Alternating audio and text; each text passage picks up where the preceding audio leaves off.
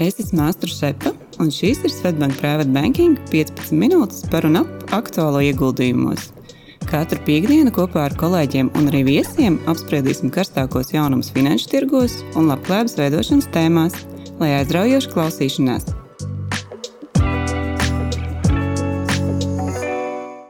Esiet sveicināti podkāstu klausītāji. Šodien tiekamies 87. epizodē. Un studijā mēs esam tādā starpsvētku posmā, kad Ziemassvētki ir pavadīti un vecais gads vēl mums ir jāizvada. Šodien esmu kopā ar vecāko privātu banķieru komandu, ar Sergeju, Mairu un Ventu. Čau, kolēģi! Čau. Sveicināti klausītāji! Čau, čau! Un šodien īstenībā tas, par ko mēs parunāsim, ir daļēji, nu, mēs uh, turpināsim šī gada iesākto jau, ka mēs esam runājuši par dažādām nozarēm, par aktualitātēm. Uh, šīs nozares ir nu, atšķirīgi arī performējušas gadu gaitā, un īstenībā daļa no tām būs ļoti aktuāls arī 2024. gadā. Šodien mēs arī pieskarsimies un pastāstīsim katrs par savus, iz, sevis izvēlētām nozarēm, kurām mēs nu, vēlamies sekot līdzi arī nākamajā gadā, jo nu, tur būs gan izaicinājumi, gan, gan kāpumi, gan kritumi, bet uh, varbūt arī katrs pastāstīs par pamatojumiem, ko saskata un kāpēc tad, uh, tirgi varētu nākotnē reaģēt vienā vai otrā nozarē. Attiecīgā formā. Sergei, kas būtu tev dienas kārtībā, kam tu pievērsīsi uzmanību nākamajā gadā? Jā, es pastāst, pastāstīšu par atjaunojamas enerģijas nozari, zaļas enerģijas nozari, kurai uh, nu, tādu lielāku uzmanību sāku, uzmanību sāku pievērst eh, nu, 22. gada pavasarī. Un, man liekas, mēs ar Danielu arī pieskārāmies podkāstā. Tad tur jau arī klausītāji noteikti dzirdēja eh, daļu, daļu no informācijas, bet eh, nu, visu gadu garumā tas ir bijis aktuāli. Man liekas, ka arī ļoti aktuāli būs nākamajā gadā, kā jau tu saki. Nu, es jā, varbūt šodien mazāk runāšu par prognozēm, bet pastāstīšu, jā, kādi notikumi bija tieši šai nozarei šogad. Uh, Tātad, jā, kāpēc es kā saku, pievērst uzmanību nozarei, jo jau tajā brīdī par klimata pārmaiņām un par nepieciešamību pāriet uz atjaunojumu enerģiju nu, pavisam nopietni runāja kopš 15. gada, kad Parīzē notika ANO klimata konference. 21. pēc kārtas, tagad jau šogad jau bija 28. Un turklāt uz to brīdi ja atjaunojamas enerģijas uzņēmuma akcijas jau bija pakoreģējušas par 30-40%. Un tad vēl karš Ukraina, kad nu, principā, pašā kara sākumā politiķi un biznesa sāka uztraukties par to, kas būs ar energoresursu cenām, energoresursu piegāžu drošību un nu, runāja par to, ka jādiversificē enerģijas avoti. Un tad ir trīs spēcīgi faktori, kā liks, nu, ko var nepareizi izdarīt, ieguldot zaļas enerģijas nozare. Bet mēs redzam, ka pagājis pusotrs gads, gandrīz divi, un nozares uzņēmuma akcijas joprojām teikt, neperformē. Un pat es teiktu, ka šogad ir sliktākais rezultāts akcijām salīdzinot ar citām nozarēm. Piemēram, Jā. Es jau gribētu droši vien pateikt, arī, ka nu, tas zemais punkts atkal bieži vien ir tas iespēja laiks. Nu, redzēsim, ir arī izaicinājumi nozarei. Uh, kā mēs to vērtējam, ir tāds iShares Global Clean Energy ETF fonds, kas ir lielākais nozares uzņēmumu akciju fonds. Šobrīd pārvalda aktīvus gandrīz 3 miljārdu dolāru apmērā. Un rezultāts šobrīd ir pie minus 20%, oktobrī pat bija minus 30%. Un, nu, pavisam droši var teikt, ka šis būs jau trešais gads pēc kartes ar negatīvu gada rezultātu fondam. Un, kāpēc tas tā ir? Atbilde ir visai banāla. Tirgus dalībnieki ir vērsti uz naudas pelnīšanu, un, protams, kaut kāds brīdinājums par klimata pārmaiņām neņem vērā, bet nozares uzņēmumi ir saskarušies ar divām lielām problēmām. Tie pārsvarā ir auguši uzņēmumi, kuri pagaidām tikai attīstās, un investoriem var pārdot nākotnes peļņas potenciālu, nu, nevis peļņu uzreiz. Bet, lai attīstītos, uzņēmumiem nepieciešams kapitāls, kurš dēļ augstām likmēm šobrīd ir dārgs un nu, ļoti būtiski ierobežo peļņas gūšanas iespējas. Un, e, kas vēl, tad nozare ir ļoti atkarīga no valsts atbalsta, vai tas ir, tas ir tiešais atbalsts uzņēmumiem vai patērētājiem, šo uzņēmumu preču pircējiem, piemēram, saules paneļu. Uh, Bet šāds atbalsts pasaulē joprojām ir sporādisks. Jo nu, kaut arī pasaules valstis ir vienojušas par mērķi, kas ir klimata neutralitāte līdz 50. gadam, bet joprojām nevar vienoties par mērķa sasniegšanas mehānismiem. Bet, nu, es uzskatu, ka tas ir tikai laika jautājums. Piemēram, ASV līdz 30. Gana, gadam plānu novirzīt investīcijas 370 miljārdu dolāru apmērā tieši atjaunojamas enerģijas projektus un kopumā klimata aizsardzībai. Un arī tagad, šogad klimata samita Dubajā panākta vienošanās. Nu, es neteikšu, ka par fosila kurināmā eras beigām, bet eras beigu sākumu. Tāpēc nu, tiem investoriem, kuri ilgtermiņā veic ieguldījumus nozares uzņēmumu akcijiem, noteikti ir jābūt portfelī. Mans viedoklis. Un, ja par apakšnodarbiem runājot, kuram es pievērstu uzmanību, tas ir enerģijas uzglabāšanas sistēmas, jeb akumulātori. Nu, tie būs noteikti vitāli svarīgi mērķu sasniegšanai, un arī ūdeņraža tehnoloģijas, un it īpaši tā pārvēršana citus enerģijas avotus. Nu, tas ir mans redzējums. Jā, nu, visticamāk, mēs ne tikai nākamajā gadā, bet daudz gadu priekšu šo tematu apspriedīsim, skatīsimies, kas tad eh, notiekās nozarē. Perspektīvas tur ir eh, lielas, un arī, arī pēdējās nedēļās ir diezgan labs eh, akciju cenu pieaugums skatāms. Vent, kas tev būs dienas kārtībā nākamajā gadā, kam sekos, kam pievērsīs uzmanību? Jā, man pat, lai gan sanāk drusku paturpināt Sergeja tēmatu, arī, arī tāda ilgspējīga tēma, tas ir elektroautorāta nozara, par kuru diskutējām podkāstā šogad maija beigās. Nu, nozara lielā mērā ir arī tikai savas attīstības sākuma posmā. Nu, noteikti redzēsim daudz jaunu tehnoloģiju, gan šajā akumulātoru jomā, ūdeņraža dzinēja attīstību, iespējams, vai ko, nu, pilnīgi kaut ko citu jaunu, ko mēs pat iespējams neesam ieplānojuši. Un arī šīs nozares uzņēmums noteikti var raksturot kā izaugsmes. Nu, nav daudz uzņēmumu šajā nozarē, kas jau spēj nodrošināt uh, peļņu. Un, šajā laikā, kad bija inflācija un augstās likmes, tas noteikti arī nepalīdzēja attīstībai, jo nu, gan, gan šim pieprasījumam pēc elektroautorāta, gan arī finansējuma piesaisti no investoriem, kas nu, ir vitāli nepieciešams, lai šī nozare attīstītos. Uh, Nu, tomēr, neskatoties uz visu, pārdoto elektroautorātu apjomu joprojām ir augsti. Tad eh, Ķīnā oktobrī ir uzstādīts jauns rekords pārdoto auto skaitam. Nu, pat neskatoties uz atceltajām valsts subsīdijām, nu, tad Eiropā šī subsīdiju atcelšana ir uztvērta sāpīgāk, izaugsme ir nav tik ātra. Un arī ASV apjomi aug. Nu, tomēr, lasot jau tādas pēdējos uh, ziņas par ASV tirgu, tad uh, pieprasījums pēc elektroautorāta tomēr sāk sabremzēties. Un uh, pieprasījums sabremzēšanās ir saistīta arī ar tīri kaut kādiem praktiskiem iemesliem, jo šī infrastruktūra, kas ir nepieciešama auto uzlādēji, nu, netiek līdzi tik straujam šo auto skaita pieaugumam. Uh, Un, nu, tiešām ir tāds viedoklis, ka iespējams iepriekšējā gada temps bija drusku par ātru, un iespējams industrijai vajadzētu vairāk, vairāk aizkavēties šeit hibrīda auto, auto kaut kādā solī. Un, starp citu, tieši šogad arī pieprasījums pēc hibrīda auto ir pieaudzis. Nu, tad, ja mēs tā skatāmies, kopš podkāstu maijā uzņēmuma akcijām, akcijām gājis dažādi. Tad tādu augstāko punktu viņas sasniedz vasarā, jūlijā, beigās, augusta sākumā. Tad, nu, tad, kad tirgos jau bija atkal tāds piesardzīgāks posms, tad atkal ir nokritušās. Nu, tomēr gada nogalē ir daudz jaunu ziņu no nozares. Tad novembrī Tesla sāka ražot šo Cybertruck tirzniecību. Nu, redzēsim, cik uh, veiksmīgs būs šis projekts. Jā, katrā ziņā presē daudz izskanējis, daudz visādi materiālu. Testi jau ir Kā nu, salīdzināt ar citām automašīnām, redzēs, kā dažādi. Nu, protams, arī dizains ir ļoti unikāls. Pastīsimies, vai tas ieies un cilvēkiem patiks. Daudz pirks šādu tipu mašīnas, kas radikāli atšķirās, protams, pēc izskata. Nu, jā, un decembrī nākušas labas ziņas arī no citā ASV ražotāja Riviana. Tad viņi noslēguši jaunu līgumu ar ASV komunikāciju milzi ATT. Nu, tad atgādina, ka Rīvijāna jau bija pieklājīgs līgums ar lielāko uzņēmumu akcionāru Amazon par 100 tūkstošu auto piegādi. Un kopumā Rīvijāns spējas ar vienu audzēt apjomus, un arī nu, akciju cenās atspoguļojas. Mm, vēl decembrī zināmā mērā labas ziņas nāca no Ķīnas elektroautoražotāja NIO. Nu, Visticamāk, uzņēmums saņems jaunu finansējumu 2,2 miljardus dolāru apmērā no Abu Dabī bāzēta fonda. Uh, Nu, tas gan vienlaicīgi nozīmē arī jaunu akciju emisiju, kas varbūt esošiem akcionāriem nav tik pozitīva ziņa. Uh, bet uh, arī par NIO runājot, tad viņu ražotais luksus sedens ir pārsniedzis zīmīgu skaitli. Ir nobraukt 1000 km vienu uzlādi. Nu, ja mēs atskatāmies, tad vēl nesen 200 km arī šķīta daudz. Es gribētu droši vien arī nākamajā gadā sagaidīt, ir, ka mēs runājam vairāk par Eiropas elektroautorātu. Pašlaik mēs Ķīnā, ASV.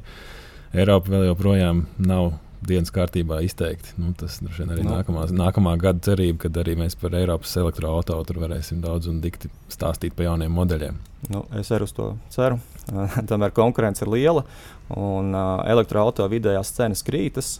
Uh, cēnu ziņā īpaši agresīvi tieši Tesla, bet nu, arī pārējie neatpaliek. Nu, redzēsim, kāds atspoguļosies uzņēmumu peļņas vai zaudējumu rādītājos. Uh, Nu, rezumējot, tad daudzas valstis ambiciozi ir apņēmušās, ka no 3, 2035. gada jauni autori iekšzemes dzinējumi vairs netiek ražoti.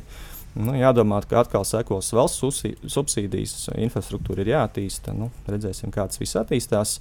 Un tuvākajā laikā uzņēmumiem vēl būs nepieciešams finansējums darbības turpināšanai, jaunu tehnoloģiju attīstīšanai. Nu, cerams, ka likmēm krītot, tad uh, ar vien vairāk investoru atkal būs gatavi ieguldīt šajā izaugsmas uzņēmumu nozarē. Gaidām jaunas modeļus, tehnoloģijas, kam vajadzētu arī veicināt šo pieprasījumu. Nozara ir interesanta, tomēr akcijām ir raksturīgi tiešām lielas svārstības, tomēr nu, ilgtermiņā saskata perspektīvas. Jā, paldies, Vent. Maira, par ko tu pastāstīsi šodien? Nu jā, vispirms es vēlos teikt, ka 2024. gadā viennozīmīgi ieguvēji būs tie, kur jau šobrīd ir ieguldījuši finanšu tirgos, vai nu tas ir caur individuāliem ieguldījumu portfeļiem, pensiju līmeņiem vai ieguldījumu fondiem. Un, protams, ka nekas nav nokavēts, iegūs arī tie, kuri nākamgad veiks jaunus ieguldījumus. Un, uh, es to saku tāpēc, jo ir vērts paskatīties uz lielajiem trendiem, jeb to, kas virza attīstību kopumā. Mēs dzīvojam ļoti interesantā laikā, kad piedzīvojam 4. industriālās revolūcijas sākuma posmu. Uh, Tas sākās aptuveni 2011. gadā, kad radās un šobrīd, šobrīd strauji attīstās un mūsu dzīvē pamazām ienāk inovatīvās tehnoloģijas, jeb disruptive tehnoloģija. Varbūt ir mazliet piemirsies jau šis, šis termins. Un kas tas ir? Tas ir mākslīgais intelekts, robotika un automatizācija mākoņu tehnoloģija, virtuālā un paplašinātā realitāte, autonomi vadīt transporta līdzekļi, pie kā šobrīd ļoti aktīvi strādā Elonas Masks, un, un, protams, arī atjaunojamā enerģija, par ko runāja Sergejs. Ir tehnoloģijas, kurām vēl ir jāatrod vēl tas tās praktiskais pielietojums, piemēram, šī te blockchain tehnoloģija. Nu, šobrīd tāds vairāk tāds uh, spekulatīvs uh, raksturs.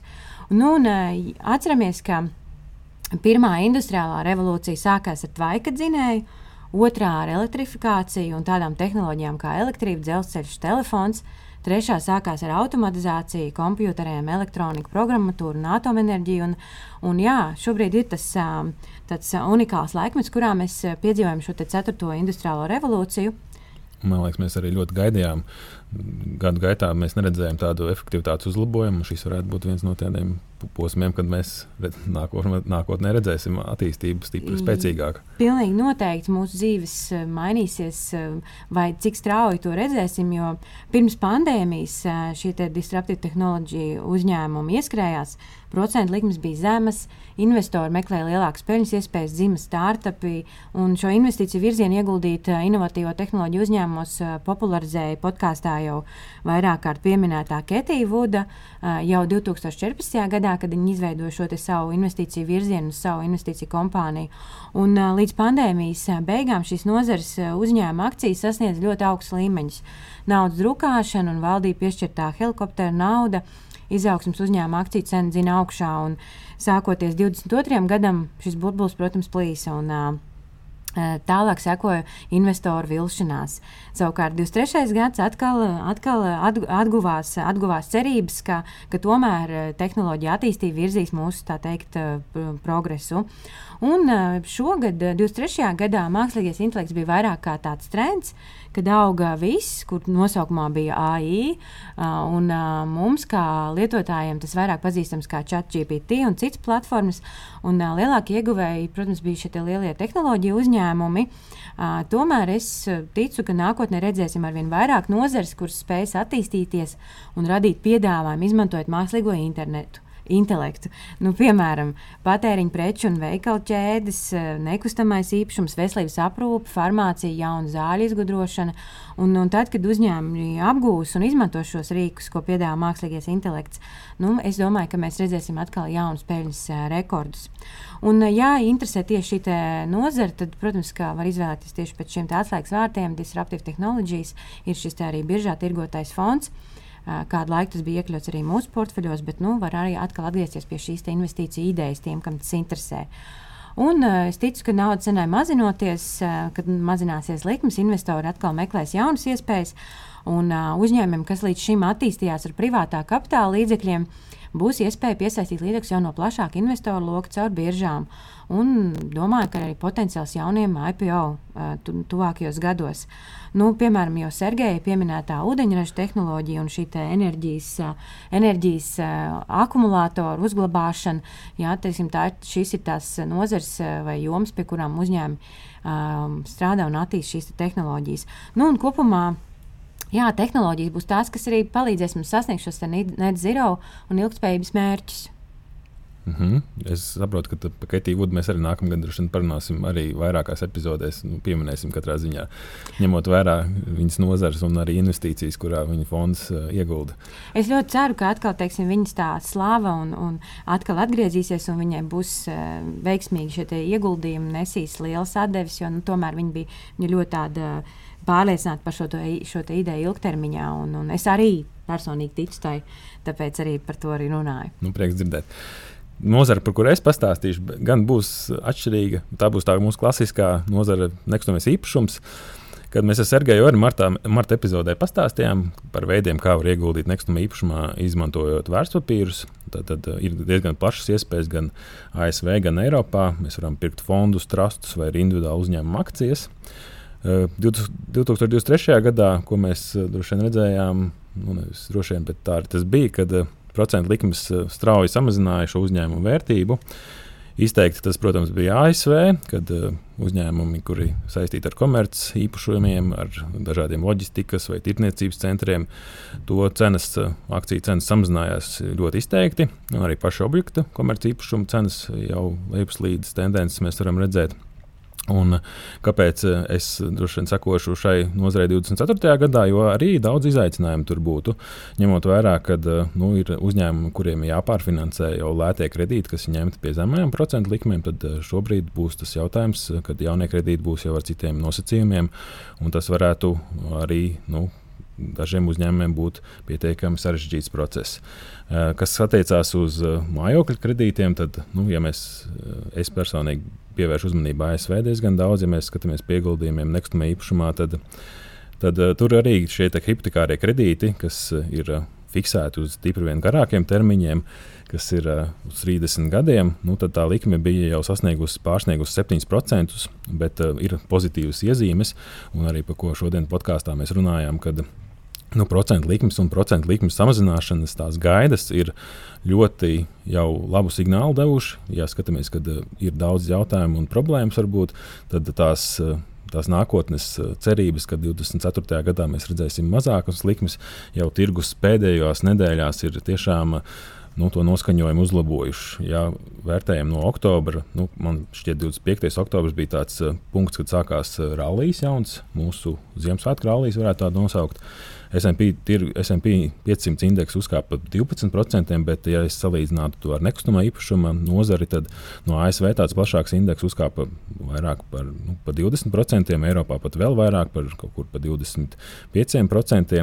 Tad mēs redzam, ka nu, tas procentu likme efekts ir Un tās gaidas, kad tās tiks samazināts, ir ļoti spēcīgas tieši šajā nozarē. Tāpēc es noteikti pievērsīšu uzmanību šim arī 24. gadā un skatīsimies, kā attīstīsies. Arī mūsu robotu uh, nekustamā īpašuma fonds arī uzrādīs tieši pat tādus pašus līdzīgus rezultātus no oktobra uh, beigām, tad 26% no gada sākuma nepilni 9% pieaugums.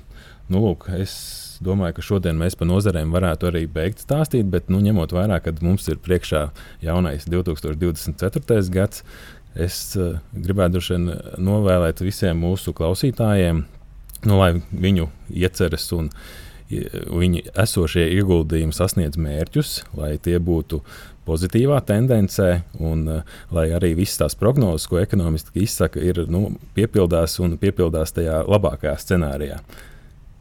Kāds būtu varbūt jūsu novēlējums? Mans novēlējums būtu uh, drosmīgiem un gudriem, pieņemt lēmumus, ieguldīt, izmantot tās iespējas, ko mums sniedz kapitāla tirgus izaugsme, jo neskaidrība būs pastāvīga un klātesoša, būs jauni melnie un pelēko gulbi. Tomēr jāatceras par lielo trendu, kas virza attīstību. Nu, sanāk, drusku atkārtoties, jā, bet nu, saglabājam vēsu prātu, turpinam ieguldīt un izmantojam šīs iespējas. Nu, es arī novēlēšu veiksmi ieguldījumos. Šīs gads bija interesants, jo tīpaši pēdējos mēnešos bija tādas svārstības tirgo, kuros, nu, nu, kuros noteikti tie investori, kuri aktīvi treido, varēja izmantot. Pat cik es pats esmu ilgtermiņa ieguldītājs, arī ilgtermiņa ieguldītājiem bija labs laiks, tīpaši atsevišķas nozares, par kurām mēs šodien runājam. Tātad, lai veicas ieguldījumos. Jā, un teiksim, paldies visiem klausītājiem, klausītājiem, kas bija kopā ar mums 2023. gadā, un tiekamies nākamajā 2024. gadā. Uz redzēšanos! Audio saturā dzirdētā informācija nav uzskatāms par ieguldījumu konsultāciju vai ieteikumu slēgt finanšu tirgus darījumus vai ieguldīt finanšu instrumentos. Paldies, ka klausījāties! Lai izdevusies diena un uz tikšanos nākamajā sarunā!